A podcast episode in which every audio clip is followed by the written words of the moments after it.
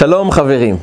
אחת המשאלות הגדולות, אחת הבקשות החשובות שיש לנו בחיים זו הבריאות. בשנה האחרונה הבקשה הזאת התעצמה עוד הרבה יותר. אנחנו כולנו מתפללים עבור החולים, האנשים המבוגרים, עבור כולנו, להיות בבריאות. אבל מהי בדיוק בריאות? אם מדובר על בריאות פיזית, אנחנו פחות או יותר עוד מבינים במה מדובר. אבל הבריאות הפיזית שלנו קשורה תמיד גם לבריאות הנפשית שלנו. וכאן אנחנו נדרשים לשאלה, איך נוכל לדעת האם הנפש שלנו בריאה? מה המדד לנפש שהיא באמת בריאה? איך נוכל לרפא את הנפש שלנו מכל מיני חוויות קשות, מכל מיני אירועים מצערים, מכל מיני טראומות שעברנו? איך אפשר להעניק לנפש שלנו בריאות אמיתית? והתשובה המרכזית לשאלה הזו נמצאת בפרשת השבוע. אנחנו דנים על מצוות יציאת מצרים. המצווה שעוטפת אותנו מכל כיוון במשך כל השנה. למען תזכור את יום צאתך מארץ מצרים כל ימי חייך. יציאת מצרים מהווה לא רק זיכרון היסטורי מאוד מכונן של עם שיצא מעבדות לחירות, יש כאן מסר יומיומי אלינו, איך נוכל לצאת מהמקומות הלא טובים בחיים שלנו, מהכעסים, מהמריבות, מהדברים הלא טובים שהקיפו אותנו במשך החיים, לצאת מהמיצר הזה אל עבר חירות, לחיים פתוחים של עשייה, של יצירה, של פעולה, שנוכל ליצור את המשמעות של החיים שלנו כמו שצריך. יציאת מצרים, שאותה אנחנו נלמד בפרשת השבוע, מהווה עבורנו גם הדרכה ליציאת מצרים אישית, איך נוכל לצאת מעבדות של צרות, של איסורים, של הרגשה לא טובה, אל עבר ניקיון הנפש, בריאות אמיתית, יציאת מצרים גם בחיים שלנו. פרשת השבוע שמדברת על יציאת מצרים, בפרשה הזו היא מגיעה לשיא מאוד גבוה. זהו, מכת בכורות, מפרקים את הממלכה המצרית, אנחנו מכינים את קורבן פסח, ליל הסדר, ואנחנו לומדים גם על החובה של זיכרון יציאת מצרים למשך כל החיים שלנו, ואז מסיימת התורה עם מצווה שלא ברור מה היא קשורה לפרשת השבוע. הנחת תפילין. בתוך כל הסיפור העוצמתי של יציאת מצרים, מאוד חשוב, והיה לאות על ידיך, והיו לטוטפות בין עיניך. אנחנו חייבים ללמוד על מצוות תפילין. למה המצווה הזו כל כך חשובה ברגע של יציאת מצרים? למה אי אפשר להמתין עד למתן תורה? במתן תורה אנחנו מקבלים את כל המצוות שלנו. אז למה חשוב לצאת ממצרים כבר עם תפילין? חכמינו מלמדים אותנו שלא רק שהם יצאו ממצרים עם מצוות תפילין, הם כבר לקחו את העורות של קורבן פסח, כתבו תפילין, הניחו את התפילין על עצמם, וככה הם יצאו ממצרים. כשהם עברו בים סוף, הם עברו ביחד עם התפילין עליהם. אנחנו אומרים בהושענות, יקרך עמם מעבירים. הם עברו בים סוף ביחד עם התפילין. אבל למה זה כל כך חשוב? למה אי אפשר להמתין, כמו עם כל המצוות, עד למתן תורה? כנראה שמצוות התפילין מסמלת את היציאת מצרים הפנימית שלנו. יש בזה קשר הדוק בין מצוות תפילין לבין יציאת מצרים. אבל יש כאן שאלה גדולה על המצווה הזו בכלל. אנחנו יודעים שהתפילין מורכבים מתפילין של ראש ותפילין של יד. אבל יש הבדל מאוד מהותי בין תפילין של ראש לתפילין של יד. בתפילין של ראש יש ארבע פרשיות, קדש לי כל בכור, והיה כי אביאך, שמע והיה עם שמוע. כל פרשה נכתבת על קלף נפרד ומונחת בחדר פרטי בתוך התפילין של ראש. התפילין של ראש מחולקות לארבעה חדרים, בכל חדר, בכל חריץ אנחנו שמים פרשה שונה. אבל זה רק בתפילין של ראש. בתפילין של יד, כל ארבעת הפרשיות כתובות על קלף אחד, שאותו אנחנו מניחים בתפילין של יד, וכך אנחנו מקיימים את מצוות תפילין. והשאלה שנשאלת, מה ההבדל? למה בתפילין של ראש אנחנו צריכים לשים ארבעה פרשיות שונות, ובתפילין של יד כל ארבעת הפרשיות מונחות בתפילין של יד ביחד? מה ההבדל? תפילין של ראש ותפילין של יד מסמלות בעצם את היכולת שלנו להתחבר לקדוש ברוך הוא. המצווה הזו הפכה להיות מצווה שהיא שקולה כנגד כל המצוות, עד כדי כך שהמדרש, מדרש תהילים, מביא שאלה ששאלו עם ישראל את הקדוש ברוך הוא. על הפסוק, כי אם בתורת השם חפצו, שנאמר בתהילים, אומר המדרש, אמר רבי אליעזר, באו בני ישראל הקדוש ברוך הוא ואמרו לו, ריבונו של עולם, אנחנו רוצים ליגע בתורה יומם ולילה, אנחנו רוצים ללמוד תורה יום ולילה בלי הפסקה, זו תורתך, זו חוכמתך, זה הקשר שלנו איתך, אנחנו רוצים להשקיע בלימוד התורה יום ולילה, אבל אין לנו פנאי, אין לנו זמן. אנחנו חיים בתוך עולם שדורש מאיתנו עבודה, השקעה, טיפולים בכל מיני אתגרים, בכל מיני בעיות. אין לנו זמן ללמוד תורה, מה נעשה? אמר להם הקדוש ברוך הוא דבר מאוד מפתיע. קיימו מצוות תפילין, ומעלה אני אליכם כאילו אתם יגעים בתורה יומם ולילה. אם אתם תניחו תפילין, אם אתם תהיו קשורים עם המצווה הזאת, המצווה הזו היא מהווה סוג של לימוד תורה, ומבחינתי, אחרי שהנחתם תפילין, כאילו הייתם יגעים בתורה יומם ולילה. וכאן נשאלת השאלה, מה הקשר בין תפילין לבין לימוד תורה? למה זה קשור? נכון שכתוב בתורה, והיה לך לאות על ידיך ולזיכרון בין עיניך, למען תהיה תורת השם בפיך. זאת אומרת שהתפילין הם סוג של אמצעי כדי שתהיה תורת השם בתוכנו. אבל למה? מה מיוחד במצוות התפילין? התורה היא נקראת תורה ויש לזה הסבר. אומרים חכמינו, וזה מובא הרבה בתורת החסידות, שהסיבה שקוראים לתורה תורה ולא חוכמה, או ספר החוקים, זה בגלל שהתורה זה מלשון הוראה. יש הרבה דברים שאנחנו יכולים ללמוד, תיאוריות שאנחנו יכולים להפנים בתוכנו, סוגי לימודים שונים, חוכמות שונות, אבל זה נשאר ברובד התיאורטי. התורה מטרתה היא להיות הוראה, השפעה על החיים שלנו. המדד אם למדנו תורה כמו שצריך, זו השאלה מה נכנס בתוכנו, מה התורה לימדה אותנו, מה שינינו בתוך החיים שלנו, איך הלימוד הרוחני הופך להיות חוויה אישית ופעולה ממשית בחיים שלנו. תורה מטרתה היא להשפיע על החושים שלנו, על המציאות שלנו, שנהפוך להיות מציאות שונה, טהורה יותר, קדושה יותר, קרובה יותר לקדוש ברוך הוא. זה לא עוד ספר לימוד שאנחנו הולכים לספרייה, קוראים אותו, נהנים מהתיאוריות, מהרעיונות שכתובים בה. אנחנו חייבים לשנות את החיים שלנו. מטרת התורה זה להפוך אותנו לאנשים טובים יותר, קדושים יותר, שפועלים אחרת בחיים. הרבי מקוצק פעם אמר על הפסוק, ואנשי קודש תהיון לי. הוא אמר, שימו לב, כתוב בתורה, ואנשי קודש תהיון לי. לא כתוב מלאכי קודש. הקדוש ברוך הוא לא מבקש מאיתנו להיות מלאכים קדושים, שרפים עליונים. הוא מבקש מאיתנו להיות אנשים, נכון, שיוצאים לעבודה, שאוכלים, ששותים, שמתלבשים, שיש להם את טרדות החיים. אבל תהיו אנשי קודש. תביאו את הקדושה לתוך החיים שלכם. התורה בעצם מבקשת מאיתנו להיות אנשים, אנשים שחיים בעולם, שנמצאים בפרקטיקה של החיים, אבל ביחד עם זה חווים קדושה.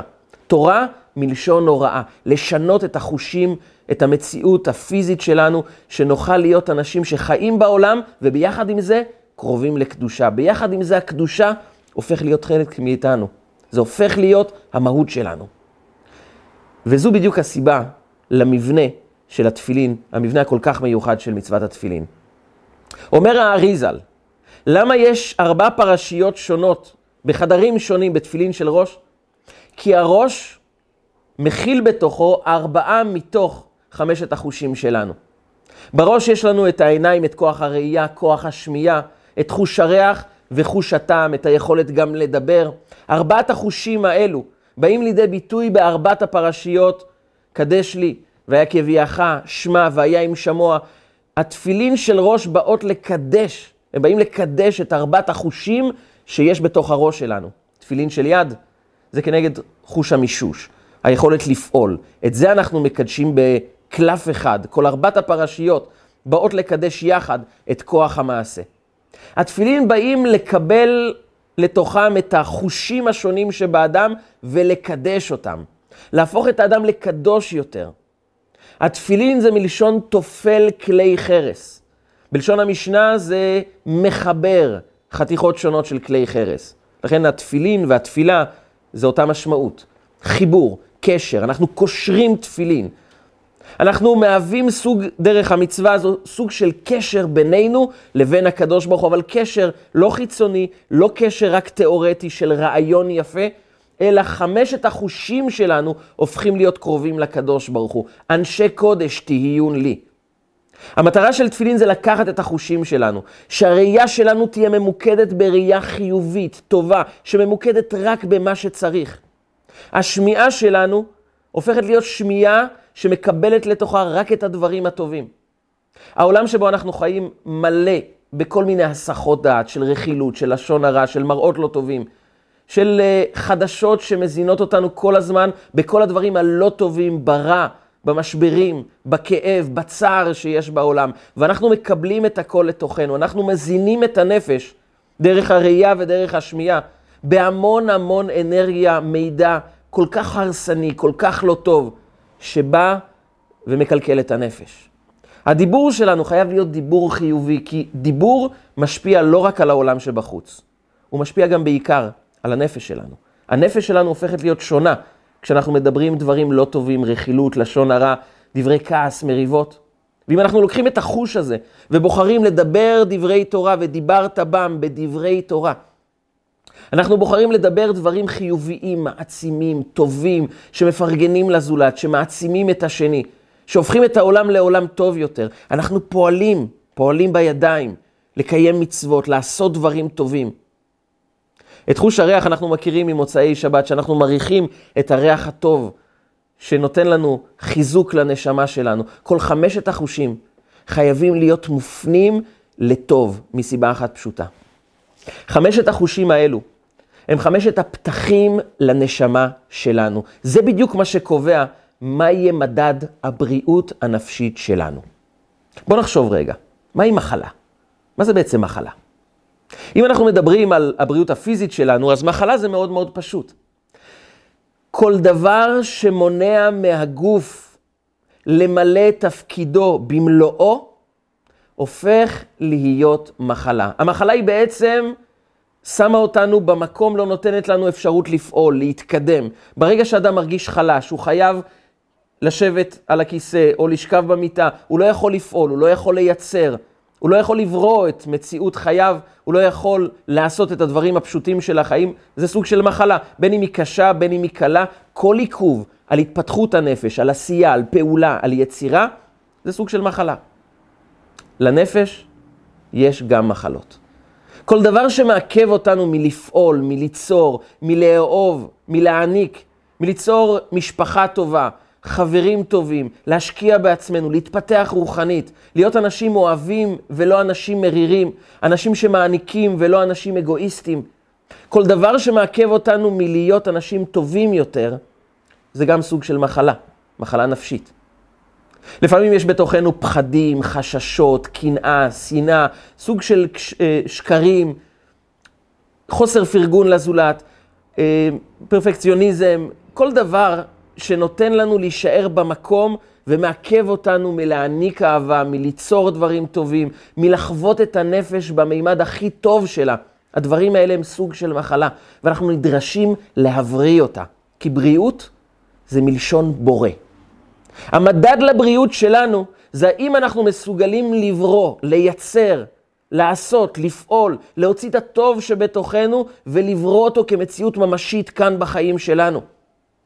כמה פעמים אנחנו נשלטים מכל מיני גורמים בחיים שלנו, אנחנו עדיין עסוקים במה פגעו בנו בכיתה ד', ואיך עשו לנו כל כך רע בחיים, ואיך יש אנשים רעים, ואיך יש אנשים שמדברים עלינו ועושים לנו כל כך הרבה דברים לא טובים, ואנחנו הופכים להיות אנשים שאחרים מנהלים אותם. ואנחנו משתוקקים לצאת מהמקום הזה, להיות אנשים שבוראים את מציאות חיינו. יש על זה משל של ילדים מאוד מעניין על שועל אחד. שועל שכבר היה נמאס לו להיות שועל ביער, התפקיד שחק אותו, הוא היה חייב לקבל חופש. הוא הלך לאריה וביקש ממנו חופשה. אריה אמר לו, תקשיב, יש עומס עבודה ביער, אני לא יכול לשחרר אותך, אתה חייב להמשיך לעבוד. אמר לו השועל, אני לא יכול, אני חייב לצאת לחופשה. תיתן לי גם חל"ת, חופשה ללא תשלום, אין בעיה, אני חייב לקחת חודש חופש. אמר לו אריה, תראה, אתה יכול לצאת לחופשה, אבל לא בטוח שכשתחזור, התקן עדיין יחכה לך. יכול להיות שמישהו יתפוס את התקן שלך, של שועל. קח את זה בחשבון. אמר לו השועל, אין בעיה, אני יוצא. אחרי חודש שהוא נרגע, חזר שלו, הוא חוזר לאריה ואומר לו, אני יכול לחזור להיות שועל? אומר לו, מתנצל, התקן תפוס. אומר לו, אז מה אני אעשה? אומר לו, תראה, התקן היחיד שיכול להיות פנוי עבורך, זה ארנב. לך תהיה ארנב לחודש הקרוב, אחר כך נראה מה קורה. טוב, השועל לא הייתה לו ברירה, הוא התחיל לקפץ כמו ארנב, התחיל לברוח מחיות, אבל היה נמאס לו. אחרי כמה שבועות הוא חזר לאריה ואמר לו, אני לא מסוגל להיות ארנב, אני שועל, אני יכול לחזור להיות שועל? הוא אמר לו, מתנצל, אי אפשר, תפוס. אתה חייב להיות על תקן של, אר, של ארנב בלבד. הוא הלך בדיכאון ביער, ופתאום הוא רואה ארנב אמיתי. הוא מתקרב לארנב ושואל אותו, אה, תגיד ארנב, אתה על תקן של מה בדיוק ביער? הוא אומר לו, תראה, אני על תקן של שועל, מה לעשות? אומר לו השועל, אני לא מבין. אני שועל על תקן של ארנב. אתה ארנב על תקן של שועל, איפה ההיגיון? אומר לו ארנב, מה לעשות? זה המקרה שקורה כאשר חמור הוא על תקן של אריה. כאשר אנחנו לא ממלאים את התפקיד שלנו, אנחנו חשים במצוקה, במיצר, במצרים של החיים שלנו. הבריאות הנפשית זה היכולת לחוות את מי שאנחנו באמת ולפרוץ החוצה. להיות אנשים שלא מנוהלים בידי אחרים, שלא קובעים לנו מה להיות בדיוק, אבל בשביל זה אנחנו חייבים בריאות נפשית, כי בריאות נפשית זה מה שיעניק לנו את היכולת לפרוץ החוצה, להיות מי שאנחנו באמת, ולא שיקבעו עבורנו מה להיות. והבריאות הנפשית נמצאת בדיוק במצוות התפילין. השאלה הגדולה היא, מה מזין את חמשת החושים שלנו? איך אנחנו חיים? העולם כל הזמן משתדל, כל הזמן עובד כדי להיכנס לתוך התודעה שלנו. החדשות קובעים עבורנו איזה מידע אנחנו מכניסים לראש. עכשיו בואו נשים לב, כשאני שומע על כל כך הרבה צרות, כי חדשות לא באים לבשר לנו בדרך כלל על דברים טובים. בדרך כלל מדובר על דברים מאוד קשים, על מריבות, על תככים, על טראומות, על אסונות, על קשיים, כי זה מה שמעניין את הנפש שלנו. היא תמיד שואלת, מה נחרב, מה קשה? אבל זה לא המציאות הבריאה. אנחנו חייבים לשאול את עצמנו איך אני מזין את כוחות הנפש שלי במידע הרבה יותר חיובי. אתם יודעים, אומרים שכשאדם אה, שומע את החדשות, אז אומרים לו ערב טוב, ואז כל החדשות מסבירים לו למה זה לא ערב טוב. במימד הזה, במקום הזה, במציאות חיים האלו, זה מה שאנחנו רוצים, כאן אנחנו רוצים לחיות. אנחנו חייבים לסנן לעצמנו את המידע שנכנס דרך הראייה, דרך השמיעה, הדיבור, הפעולות שאנחנו עושים, כי אלו הם הפתחים לנפש שלנו. כמו שבמערכת העיכול אנחנו לא יכולים להכניס מה שאנחנו רוצים, ואחר כך לשאול את עצמנו למה כואבת הבטן, למה הגוף לא מרגיש בריא, למה יש לאות, למה יש חולשה. כי השאלה היא, איך מזינים את הגוף? הגוף נבנה מהמזון שאנחנו מכניסים עבורו. אדם לא יכול לאכול מאכל מקולקל ולהגיד לעצמו, אבל רק הכנסתי את זה, למה זה פועל בי כל כך תחושות לא טובות? ברור, כי מה שמכניסים למערכת העיכול, זה מה שמשפיע על הגוף. בדיוק אותו דבר לנפש. אנחנו לא יכולים להזין את הנפש שלנו בכל כך הרבה טראומות, קשיים, כאבים, דברים לא טובים, ולשאול את עצמנו, למה אחר כך אני בפחד? למה אני במריבות? למה אני כל כך uh, נמצא במקום לא טוב בחיים שלי? אין לי כוח לפרוץ, ואני תמיד דוחה דברים, ואני תמיד נוטה למחשבות שליליות ומחשבות לא טובות. ברור כי כאשר אנחנו מזינים את הנפש במידע לא טוב, התוצאה היא נפש לא בריאה, נפש שתמיד שקועה במה לא טוב, במקום לפרוץ החוצה, במקום להיות בריאה מלשון בורא, לברוא את המציאות של החיים שלנו.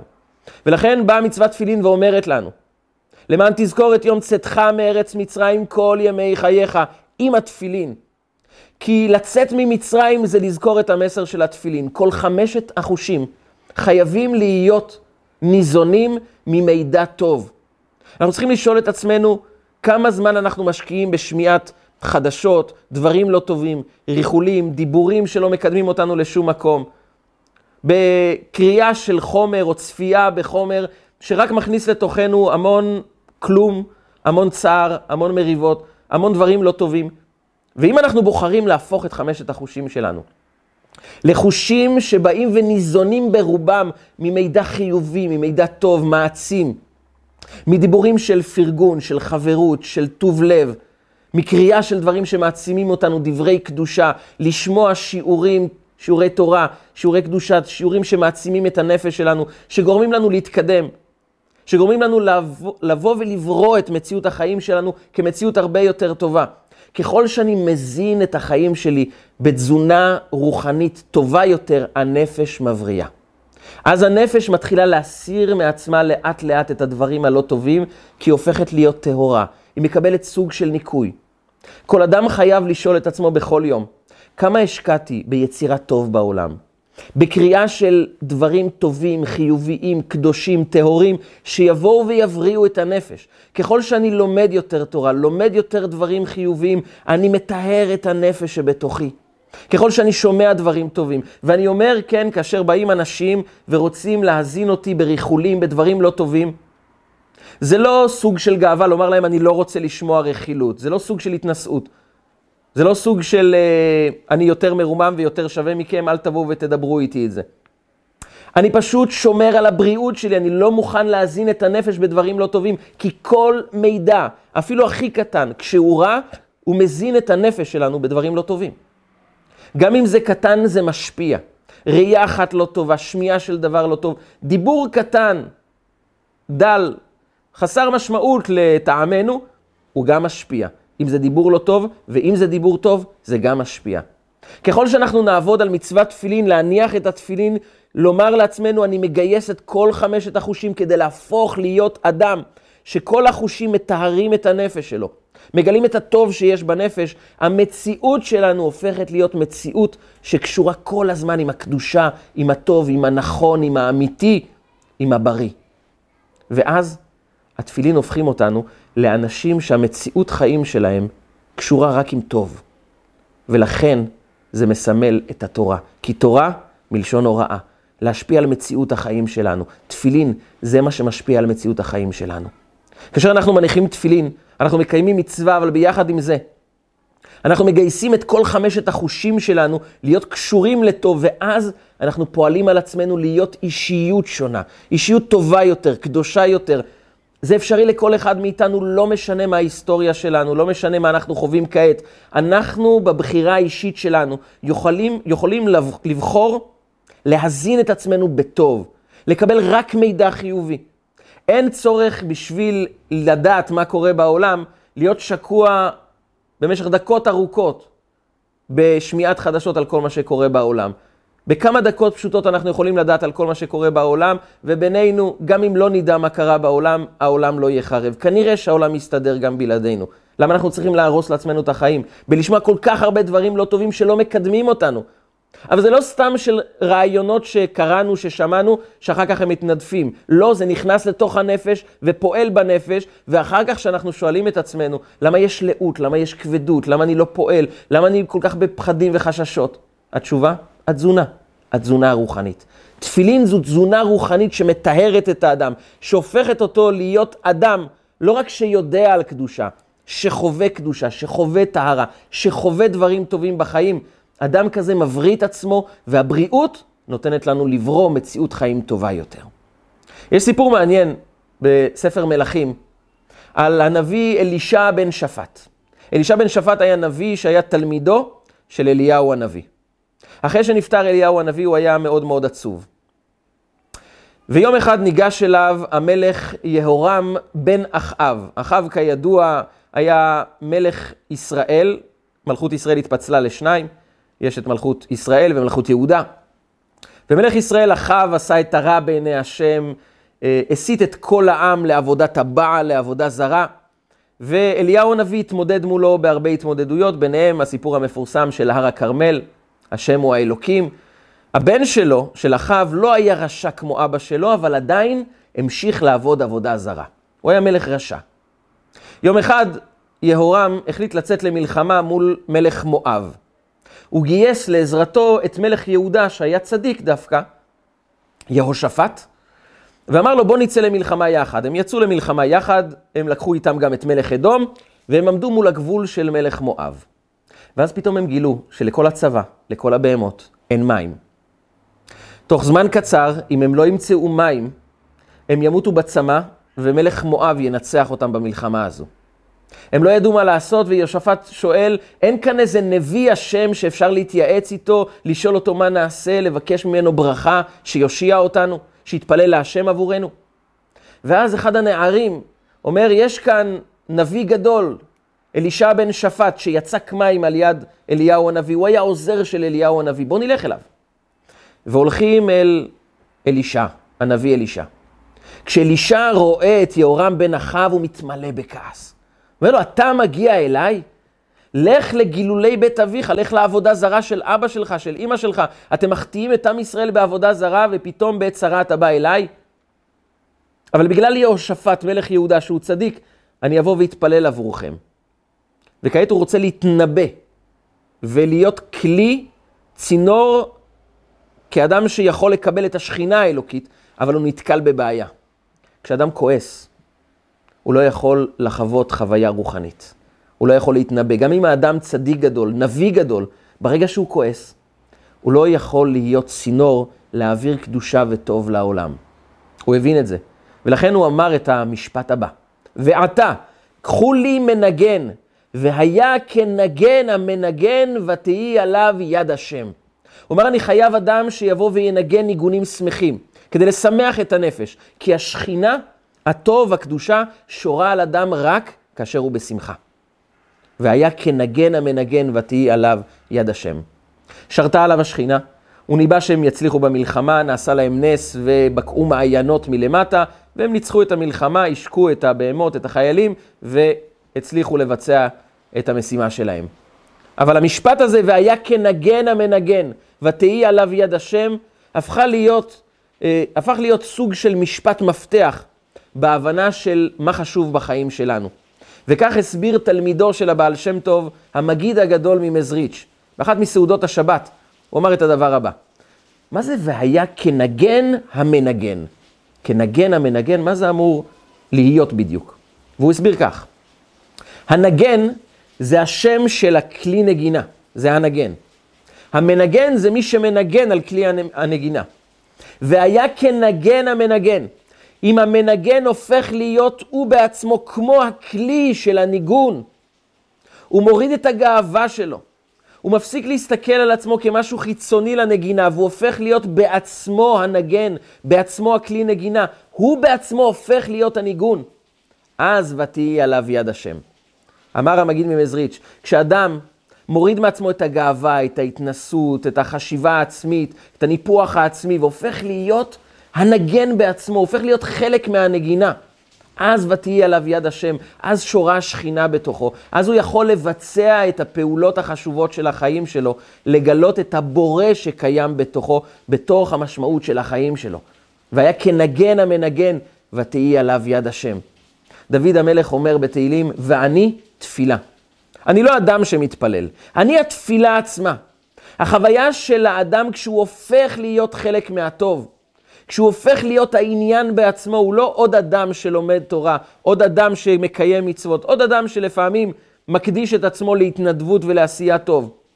התפילין מלמדים אותנו להפוך להיות הטוב בעצמו דרך חמשת החושים שלנו. לקדש את החושים שלנו, זה מה שהופך אותנו לאנשים בריאים יותר. אנשים שיכולים לשנות את העולם, את המציאות סביבנו. לחוות הרבה יותר אהבה, נתינה, משפחתיות טובה יותר.